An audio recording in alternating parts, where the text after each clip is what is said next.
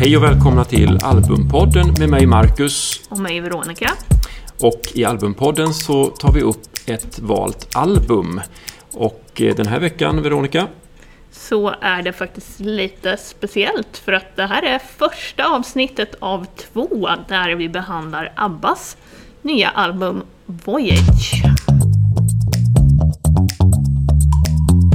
Och det här är också lite intressant för att du och jag har ju känt varandra i lite över tre år, tror jag. Men det var först i höstas vi båda insåg att vi är ganska stora ABBA-fans båda två. Ja, och det kan bero på olika saker. Eh, jag är 72, årgång 72 och 72 eh, så var ABBA på gång. Eh, de kallade sig då för Festfolket. Jag tänker att det kanske har med min födelse att göra också då. Så jag tar åt mig lite grann. Jag växte upp med ABBA helt enkelt. Men du? Jag växte absolut inte upp med ABBA, för jag är ju född 91 och då hade de ju redan varit splittrade ganska, ganska länge ändå. Ja. Men... Eh, Hur kommer det sig då att du tänker på ABBA? Ja, det är en bra fråga. Det är ju någonting speciellt med deras musik, det är det ju. Men jag tillhör ju de få nu kommer jag låta som en sån här, vad ska man säga, extrem fan. Men jag tyckte om ABBA redan innan Mamma Mia-filmen och innan Madonna använde Gimme Gimme i sin låt där. Så att jag var ju en pure ABBA-fan om man säger så. Mm. Och för min del så fanns ju ABBA där. Jag var nog ingen riktig ABBA-fan utöver det vanliga på något sätt. Utan man hörde ju låtarna när man var liten. Och sen har de följt med och idag inser jag ju att människor över hela världen i alla åldrar eh, känner till ABBA. Så att det här är ju stort. Det är ju inte bara stort för dig och mig, utan det är stort för väldigt många människor över hela världen att ett band som ABBA i den digniteten gör ny musik 40 år efter de har lagt av. Bara att de släpper nytt, dels efter så lång tid, men också ett band som är så stort och även har vägrat göra saker tillsammans av anledningen att de vill bara släppa sånt de själva är nöjda med. Så är det jättestort, för det finns ju tyvärr alldeles för många avdankade gamla artister och band som släpper något för att tjäna lite pengar liksom. Mm. Men stort är det. Och hur stort är det egentligen då? Kan man säga att om, om Freddie Mercury hade levt idag och de hade gjort sin sista grej någonstans på 80-talet återförenats 40 år efter, hade det varit lika stort? Ja, men det tror jag nog. Fast det är också så här beroende på, för vad, vad har hänt under de här 40 åren? ABBA har ju hållit en ganska jag ska inte säga låg profil, men det har ju inte varit saker, det har inte varit några skandaler, det har inte varit liksom något annat som har gjort att de har hamnat i dålig dager, utan de har liksom, tjejerna försvann lite mer och eh, killarna fortsatte med att göra musikaler och annan musik, men inte under liksom ABBA-brandet så att säga. Nej.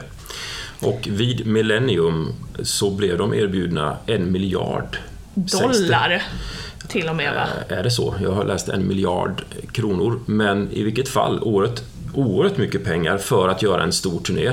Och eh, vad jag förstod så blev de också erbjudna att spela då för de här pengarna på, eh, vid Millennium vid Slussen på en prom. Det blev Europe som gjorde den spelningen istället.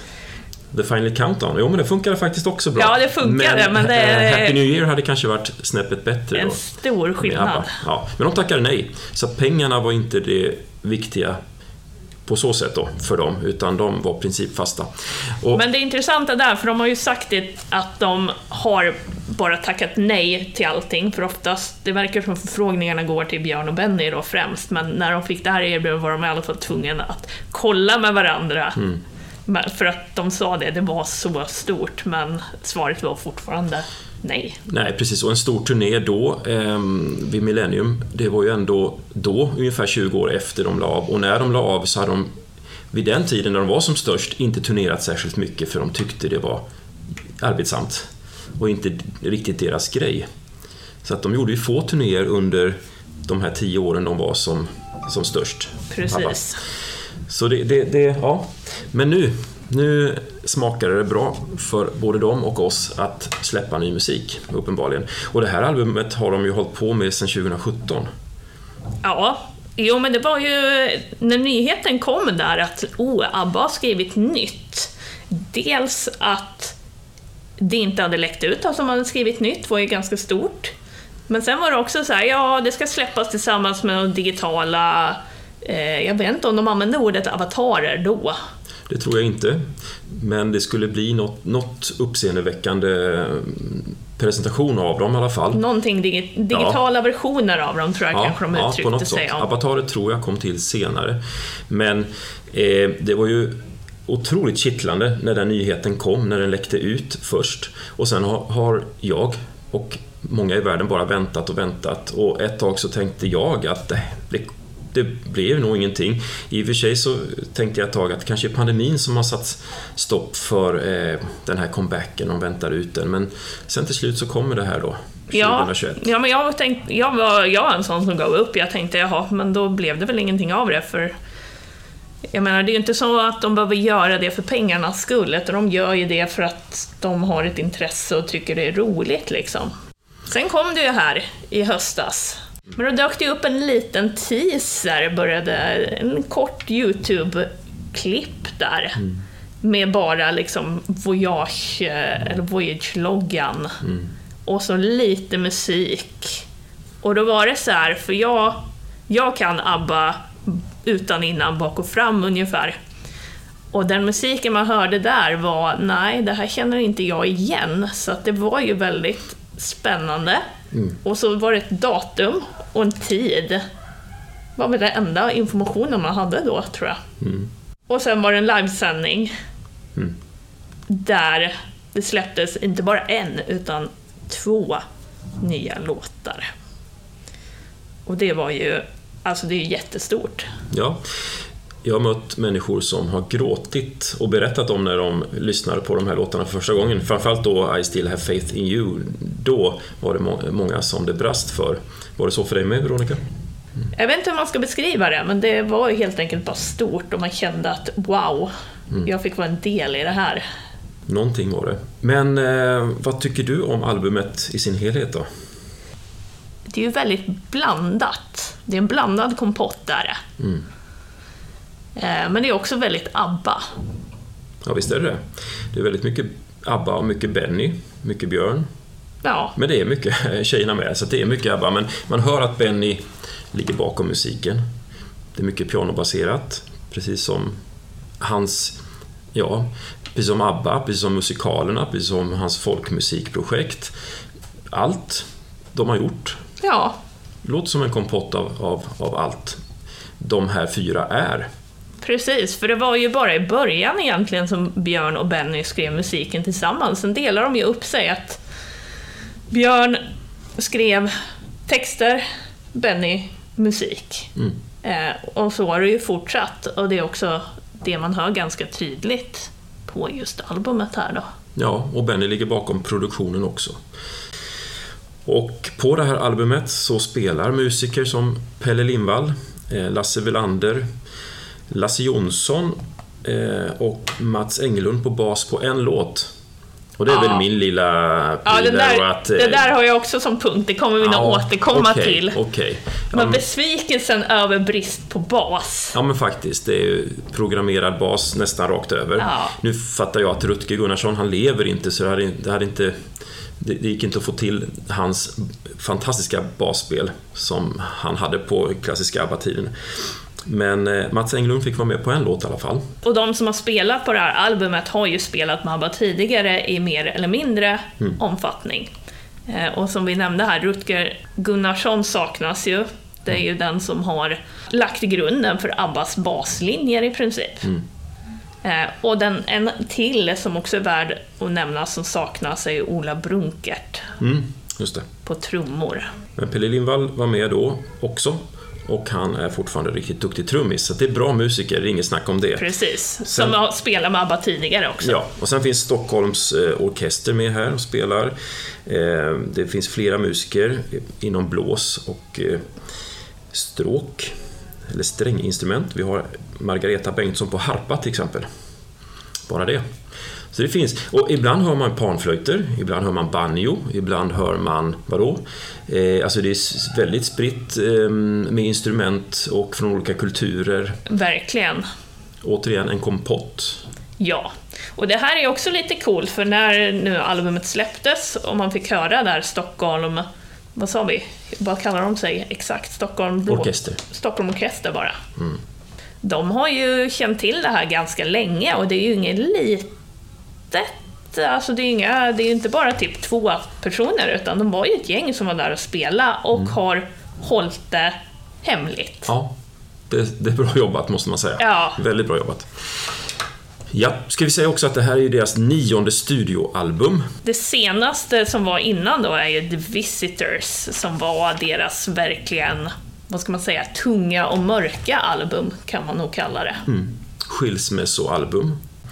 Eh, och jag skulle säga det att eh, nionde studioalbumet, och nu är Agneta 71 år, hon fyller 72 i år. Och jag tror att Anne-Frid är fem år äldre. Mm. Och ändå låter det så pass bra och fräscht. Tjejerna har ju sjunkit typ en tonart ungefär med sina röster. Ja, men inga konstigheter. Det är klart att de har gjort det. Eh, men man har anpassat musiken till deras röster precis. och gjort det så pass bra. Ja, men precis. Musiken är anpassad, men sen också att båda har sjunkit lika mycket, för det är ju något som händer med åldern, så det är inget konstigt. Men det gör ju att de fortfarande kompletterar varandra på det här underbara sättet som gör Abbas sound.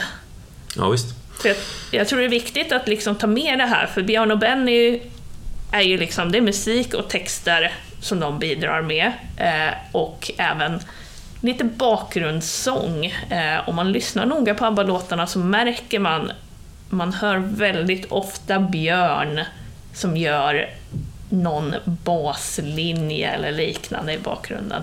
Men tjejerna, alltså de två tillsammans är ju mm. match made in heaven som... Ja men det är ju så otroligt lyckosamt att de två blev ihop med de här två killarna som började skriva musik. Mm. Och att deras röster kompletterar varandra så bra. Ja, fantastiskt. Nu har vi ju ett spår på det här albumet där vi verkligen får höra dem när de var unga. Ja. En, en på ett sätt märklig låt kanske, Just a Notion. Där det endast, alltså allting är inspelat 2021 utom just rösterna. Agneta och Anne-Frids röster är inspelade 1978 mm. och den här låten ratades till albumet Volevo kom helt enkelt inte med på det albumet och nu tog de fram den igen, spelade om musiken men lät rösterna finnas kvar. Precis, och det här, den här låten har det ju funnits en bit av på eh, det finns någonting, en låt ifrån eh, ett samlingsalbum som heter typ ABBA Medley där det finns korta klipp av olika låtar som inte har släppts ja, men i helhet så att säga. Och den här var ju med där. Så att man har ju också fått höra lite så som kanske originalversionen var tänkt att låta som och jämfört med den här nya då. Ja, jag tänkte att vi ska väl börja med de två som släpptes eh, som singlar. Mm.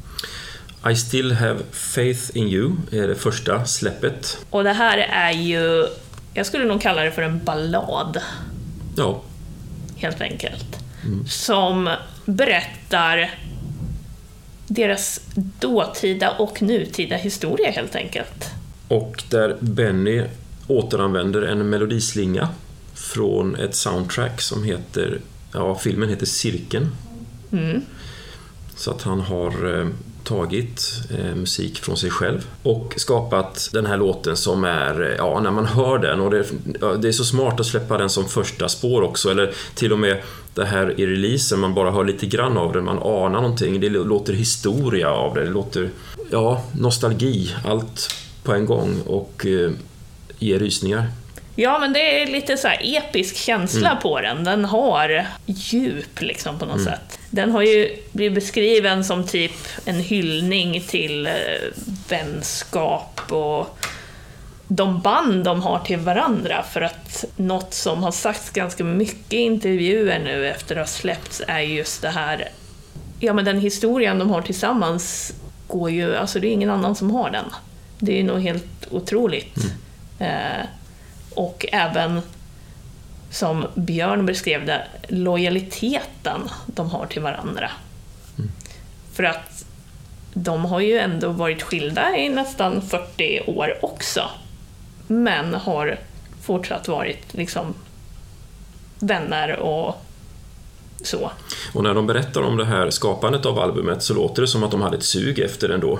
Att när de väl träffades så klickade precis in som att det var 1981 någonstans eller kanske till och med tidigare då när de var eh, ännu mer vänner eller till och med gifta. Att det bara funkade direkt. Björn levererar en text till Annefrid som börjar sjunga, eller Agneta som börjar testa och eh, Benny sitter vid pianot och spelar och, och, och det bara stämmer. Precis, Precis, som förr och det finns glädje och det finns eh, allt. Ja. Och eh, så kommer nästa spår som släpps då sam, samtidigt, ja. i, typ, men ändå känns som det är nummer två. Don't shut me down. Och den blev ju en... jag tror att för många, eh, liksom för mig, blev det en omedelbar hit. Någonting att dansa till. Någonting väldigt glatt. Så om, den första låten, I still have faith in you, är en ballad som, som är episk, så kommer här en, en, en disco-låt. Ja. Som sätter sig väldigt snabbt. Ja, alltså den var ju, den hade det här ABBA-esk ja. ljudet eller vad man ska säga. Men där har vi också det här jag har lite svårt att förlåta dig för Veronica, att du lyfter fram basen som helt fantastisk omedelbart. och, och, jag som då gammal basist tänker att men vad tusen, nej men det är en väldigt bra bas. Alltså ba basslingan är ja. ju helt underbar. Jag är ju svag för basslingor, mm. är jag ju. Och jag, som sagt, jag sa ju, diskuterade ju det med dig där, hur underbar den var. Och sen när jag kollar lite noggrannare på låten så visar det sig att det finns ju inte en enda basist som spelar på den. Nej. Besvikelse. Ja, men det är en liten detalj där. Eh, men så är det i alla fall. Men en väldigt bra låt. Ja. Som sätter sig snabbt. Med den besvikelsen så tackar vi för nu och eh, hälsar er välkomna till del två som eh, snart kommer ut. Ja, en fortsättning på ABBA Voyage helt enkelt.